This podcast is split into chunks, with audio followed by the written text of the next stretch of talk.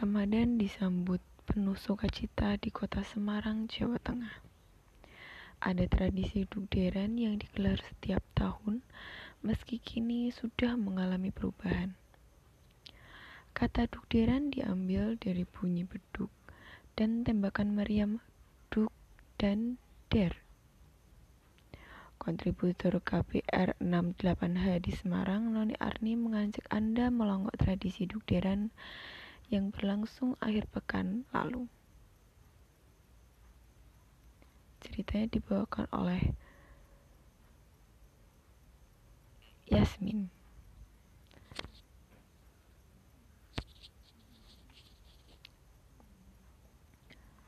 Ratusan warga tampak memadati halaman Masjid Agung Kauman Semarang.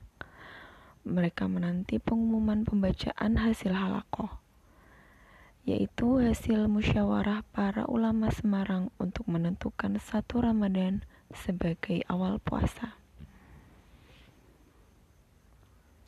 Ini adalah prosesi terpenting dalam tradisi dugderan khas Semarang. Catatan sejarah menunjukkan tradisi ini dimulai sejak dua abad silam. Lewat prosesi pembacaan halakoh dan kemeriahan dugderan, seluruh masyarakat Semarang punya waktu yang sama untuk memulai puasa.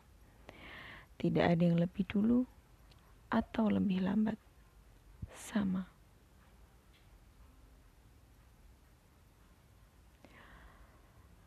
Saat tujuan berlangsung, digelar pula pasar megengan.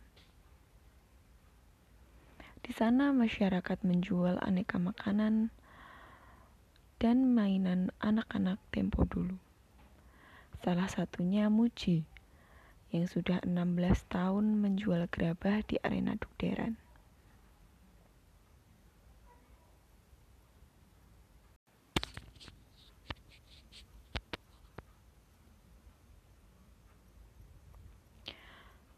Tradisi Dukderan selalu dijaga dengan terus dijadikan agenda tahunan Semarang – Kepala Dinas Pariwisata dan Kebudayaan Kota Semarang, Agung Priyo Utomo, melihat ada potensi wisata di balik tradisi dugderan.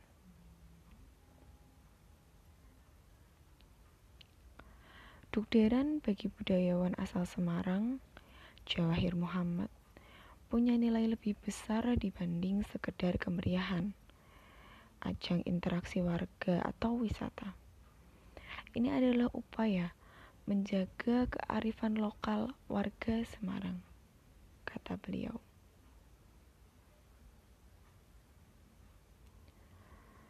Meski selalu diadakan tiap tahun, warga mulai merasakan ada perubahan dari tradisi duderen kali ini.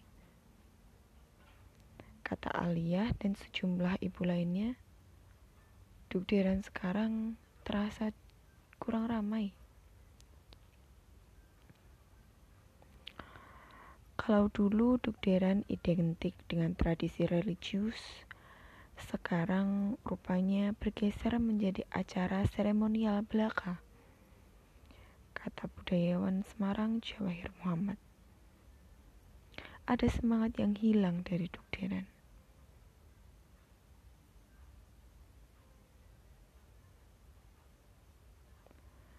Kalaupun makna kearifan lokal tak lagi tampak, Dukderan tetap dinanti warga Semarang.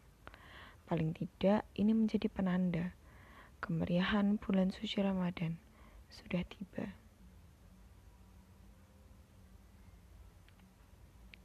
Laporan ini disusun kontributor KPR 68H di Semarang, Noni Arni, saya, Yasmin.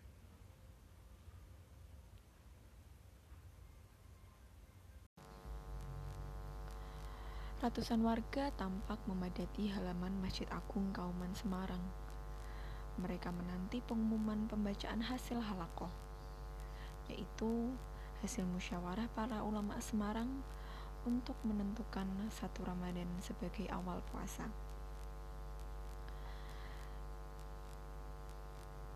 Ini adalah prosesi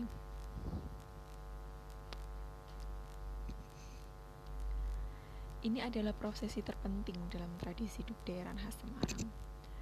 Catatan sejarah menunjukkan tradisi ini dimulai sejak dua abad silam. Lewat prosesi pembacaan halakoh dan kemeriahan Dukderan, seluruh masyarakat Semarang punya waktu yang sama untuk memulai puasa. Tidak ada yang lebih dulu atau yang lebih lambat. Sama.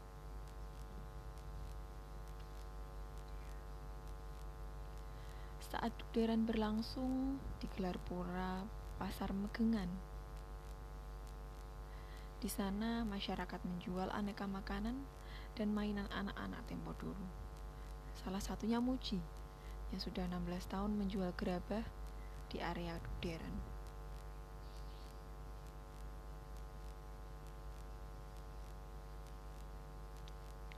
Tradisi degderan selalu dijaga dengan terus dijadikan agenda tahunan Semarang. Kepala Dinas Pariwisata dan Kebudayaan Kota Semarang, Agung Priyautomo melihat ada potensi wisata di balik tradisi dugderan.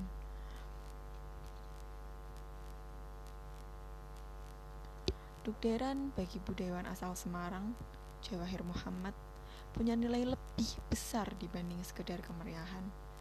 Ajang interaksi warga atau wisata ini adalah upaya menjaga kearifan lokal warga Semarang, kata dia.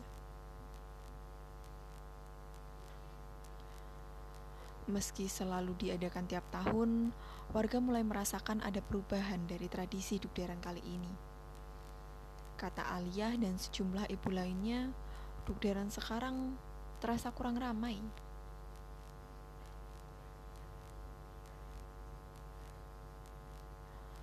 Kalau dulu dukderan identik dengan tradisi religius, sekarang rupanya bergeser menjadi acara seremonial beraka. Kata budayawan Semarang, Jawarih Muhammad. Ada semangat yang hilang dari dukderan.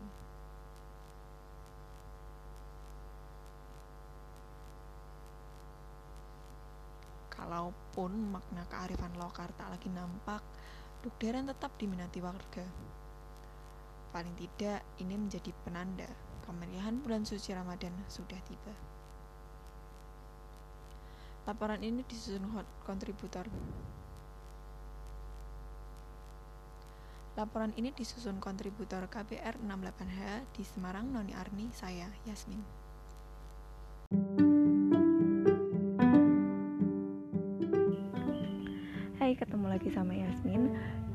Segmen terbaru aku. Di segmen ini, aku akan menjelaskan sedikit materi tentang praktik mikro penyiaran. Materi yang pertama yaitu mengenal perangkat keras pada siaran. Perangkat keras pada siaran itu ada macamnya. Yang pertama, kamera standar broadcast, kamera stand, audio mixer, video mixer, microphone, sound system, lighting, komputer, VTR, dan monitor bank. Aku akan menjelaskan satu-satu ya. Kamera standar broadcast. Ketika melakukan siaran, ada waktu dan tempat yang bisa jadi pembagiannya. Yang pertama, kalau tempat biasanya kita melakukan siaran kan ada yang di dalam studio. Ada juga nih yang di luar studio tapi bentuknya dia syuting film atau syuting drama. Ada yang di luar studio tapi dia bentuknya syuting untuk mendapatkan suatu berita. Nah di sini ada tiga tipe kamera. Yang pertama ENG atau Electronic News Gathering. Kamera ini digunakan untuk meliput berita. Suatu peristiwa dadakan lah pastinya. Otomatis bentuk dari kamera ini tuh cukup besar, cukup berat tapi dibandingkan dengan dua kamera yang lain dia yang paling kecil. Dia yang paling sering digunakan dan lebih mudah digunakan gampang dibawa ke mana-mana gitu. Terus keuntungan kamera ini itu pertama dia portable. Yang kedua dia punya shake reduction di mana shake reduction ini digunakan untuk mengurangi getaran ketika pengambilan gambar. Kamera yang kedua adalah kamera EFP, Electronic Field Production. Kamera ini digunakan untuk merekam, merekam gambar drama atau sinetron yang menggunakan tripod, kren atau Jimmy Jeep. Dia memiliki zoom servo atau remote zoom, viewfinder, dan intercom. Terus ada lagi kamera studio. Kamera studio digunakan untuk produksi dalam studio. Kamera ini kamera yang paling berat dari tiga tipe tadi. Karena dia memiliki tripod yang berat dan kuat agar dalam pengambilan gambarnya dia kan pasti pakai tilting juga ya. Kalau misalnya waktu pengambilan berita di lapangan kan nggak pakai tilting pasti diem aja stand ngeliatin presenternya gitu doang kan. Kalau misalnya dia pakai kamera studio otomatis tilting dari jauh ke deket zoom in zoom out. Kalau misalnya kamera studio dia pakai zoom in zoom outnya tilting. Nggak pakai. Kayak zoom servo di kamera IFP tadi. IFP Nah, terus ada lagi perangkat kerasnya yaitu kamera stand. Kamera stand ini yang membuat kamera itu bisa berdiri dan stabil ketika pengambilan gambar. Audio mixer. Audio mixer digunakan untuk mengatur perekaman, proses pengambilan suara, sama menstabilkan suara. Terus ada video mixer. Video mixer ini digunakan untuk menerima gambar dari kamera aktif, memilih gambar yang akan masuk VD, VDR atau video thread record, recorder, tape recorder, video tape recorder mana dan memberikan efek transisi. Lalu selanjutnya ada mikrofon. Mikrofon tahu sendiri ya kegunaannya untuk mendapatkan suara dan mengalirkannya menjadi gelombang listrik tadi terus ada sound system. Kalau sound system ini dia terdiri dari beberapa alat. Yang pertama mixer audio ya kan? Equalizer equali equalizer itu itu digunakan untuk efek transisi tadi. Terus apa namanya stabil suaranya itu diatur di situ. Amplifier, speaker, headphone dan tape recorder. Terus ada lighting. Ketika siaran, kalau misalnya kita siaran untuk e, berita atau sinetron di dalam ruangan, kita pasti membutuhkan lighting. Kenapa? Karena kadang warna gambar yang kita ambil dengan kamera dengan apa yang dilihat dari mata kepala kita sendiri itu berbeda entah karena kurang lighting entah karena kurang dari segi kontras atau brightnessnya. Terus ada komputer. Komputer di sini digunakan untuk sebagai pusat editing video atau audionya dan pusat komunikasi data. Jadi kan semisal ada siaran langsung berita tentang banjir gitu kan. Otomatis kita harus ngambil data dari komputer tentang siaran itu. Nanti kita jadi satukan di program siaran yang berikutnya. Terus ada VTR video tape recorder untuk alat rekam video tadi.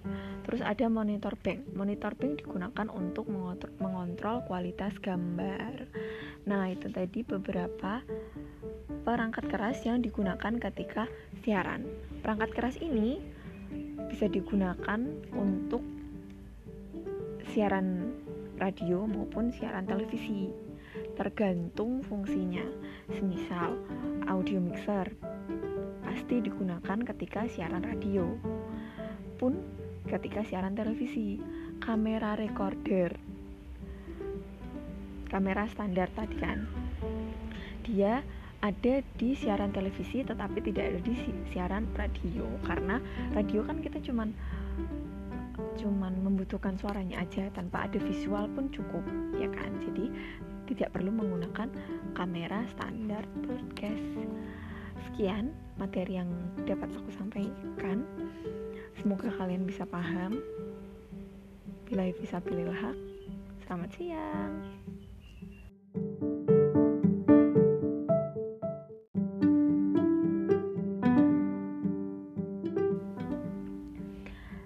Balik lagi sama aku di materi praktik penyiaran yang kedua. Um, untuk kali ini aku akan menjelaskan tentang perangkat lunak penyiaran, terkhusus penyiaran radio. Nah, alat perekam siaran radio itu ada banyak jenisnya, pun ada banyak fiturnya. Banyak yang uh, memberi fitur canggih-canggih tapi kadang kita berbayar banyak yang memberi fitur kurang tapi free license gitu kan. Nah aku akan menjelaskan empat alat perekam siaran radio yang menurutku mereka lengkap. Yang pertama station reaper. Di sini di station reaper ini kamu bisa menjadwalkan kapan aja akan dibeli iklan, akan diberi informasi atau berita terbaru. Itu penjadwalannya itu ada di Station Reaper. Kalau misalnya dan aplikasi ini itu open source itu yang pertama. Yang kedua, karena di open source ada bentuk gratis dan bentuk berbayarnya. Kalau yang gratis, kamu bisa sampai fitur 2 perekaman suara sekaligus. Kalau yang berbayar, kamu bisa melakukan perekaman 600 kali perekaman dalam satu lisensi. Terus ada screamer radio. Screamer radio ini memiliki keunggulan yaitu terus memiliki fitur WMA dan AAC. AAC. Di kedua fitur ini, perekaman kualitas audio dari perekaman akan sangat bagus. Maka dari itu, berat kapasitasnya lumayan. Banyak, jadi memakan memori banget itu. Tapi di dalamnya juga ada fitur ekspor ke MP3, jadi kita nggak usah pusing.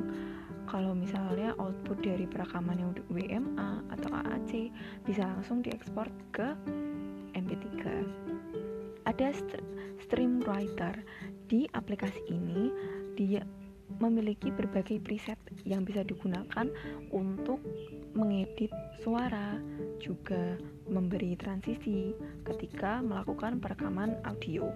Yang selanjutnya yaitu Rarma Radio. Rarma Radio ini dia punya fitur pengurangan bandwidth. Jadi ketika digunakan untuk perekaman perekaman siaran radio melalui internet, ketika mengupload kan terkadang kita membutuhkan banyak bandwidth ya sekali upload gitu kan. Padahal kita juga membutuhkan untuk yang lain gitu.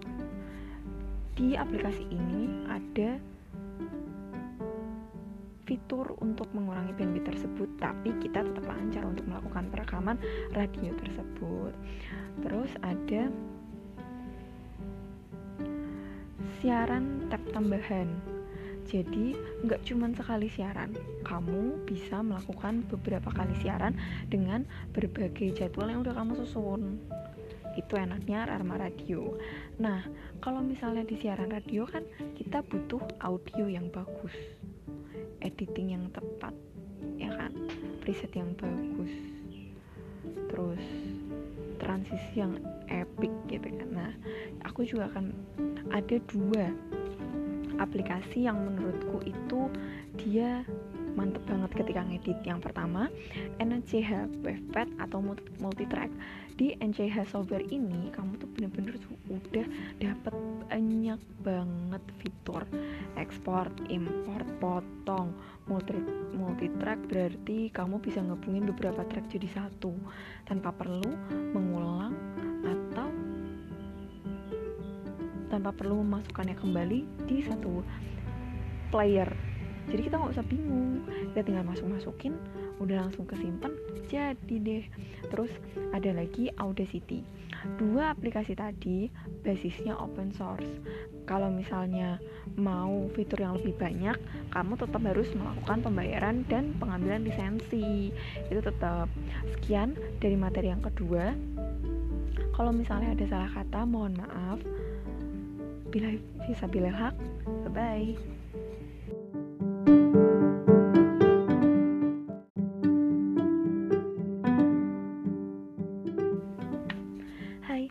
lagi sama Yasmin di segmen penyampaian materi praktek mikro penyiaran segmen ketiga. Nah, di sini aku akan menjelaskan tentang persiapan fisik dan persiapan non fisik ketika akan melakukan suatu penyiaran. Yang pertama, merapikan diri. Sebagai seorang presenter, presenter berita terutama berita yang ada di televisi, kita akan kita dituntut untuk terlihat rapi agar pemirsa juga melihat kita juga enak. Oh penyiarnya cantik. Tungguin ah bawain berita apa? Gitu. Terus merapikan diri. Itu yang pertama. Dari bajunya dari make upnya dari tata rambutnya dari tempat untuk melakukan siarannya bersih tidak gitu kan. Merapikan diri. Itu yang pertama. Yang kedua mempersiapkan mental. Ini paling penting. Karena kalau misalnya kita udah di belakang panggung ternyata kita udah punya demam panggung. Gemeteran lah mual-mual lah. Tapi kita harus gimana caranya kita harus mengerti badan kita? Gimana caranya kita harus mengerti cara mengurangi demam panggung kita tadi? Entah dengan cara minum entah dengan cara berlari-lari kecil entah dengan cara melakukan exercise atau itu kembali ke masing-masing pribadi. Karena setiap orang memiliki cara untuk mengurangi demam panggung yang berbeda-beda. Terus yang ketiga, persiapan vokal. Persiapan vokal di sini yang aku maksud adalah gimana caranya vokalmu itu nggak terlalu jelimet kalau bahasa Jermannya uh, para pemirsa akan lebih mudah mendengar lebih mudah mencerna informasi yang kita berikan karena persiapan vokal yang udah kita jalani tadi. Salah satu persiapan vokal yang aku tahu adalah kita naruh pensil kita ambil pensil ditaruh di tengah-tengah mulut kita. Oh. Lalu kita melakukan oh mencoba mengucapkan apa yang udah kita sampaikan udah kita mau kita bawakan gitu kan. Kita coba ngomong intinya pakai pakai pensil yang ada di mulut tadi. Karena dari situ kita akan bisa memperjelas pronunciation dari dari mulut kita. Itu yang ketiga. Lalu yang keempat adalah menguasai materi menguasai materi itu tidak kalah penting karena ini bisa menjadi pendukung dari mengurangi demam panggung tadi. Ketika kita tidak mengetahui materi otomatis uh, uh, uh, uh, itu akan kayak keluar. Ya kan? Itu akan kayak keluar dan mengurangi keseriusan penonton ketika mendengarkan berita yang akan kita bawakan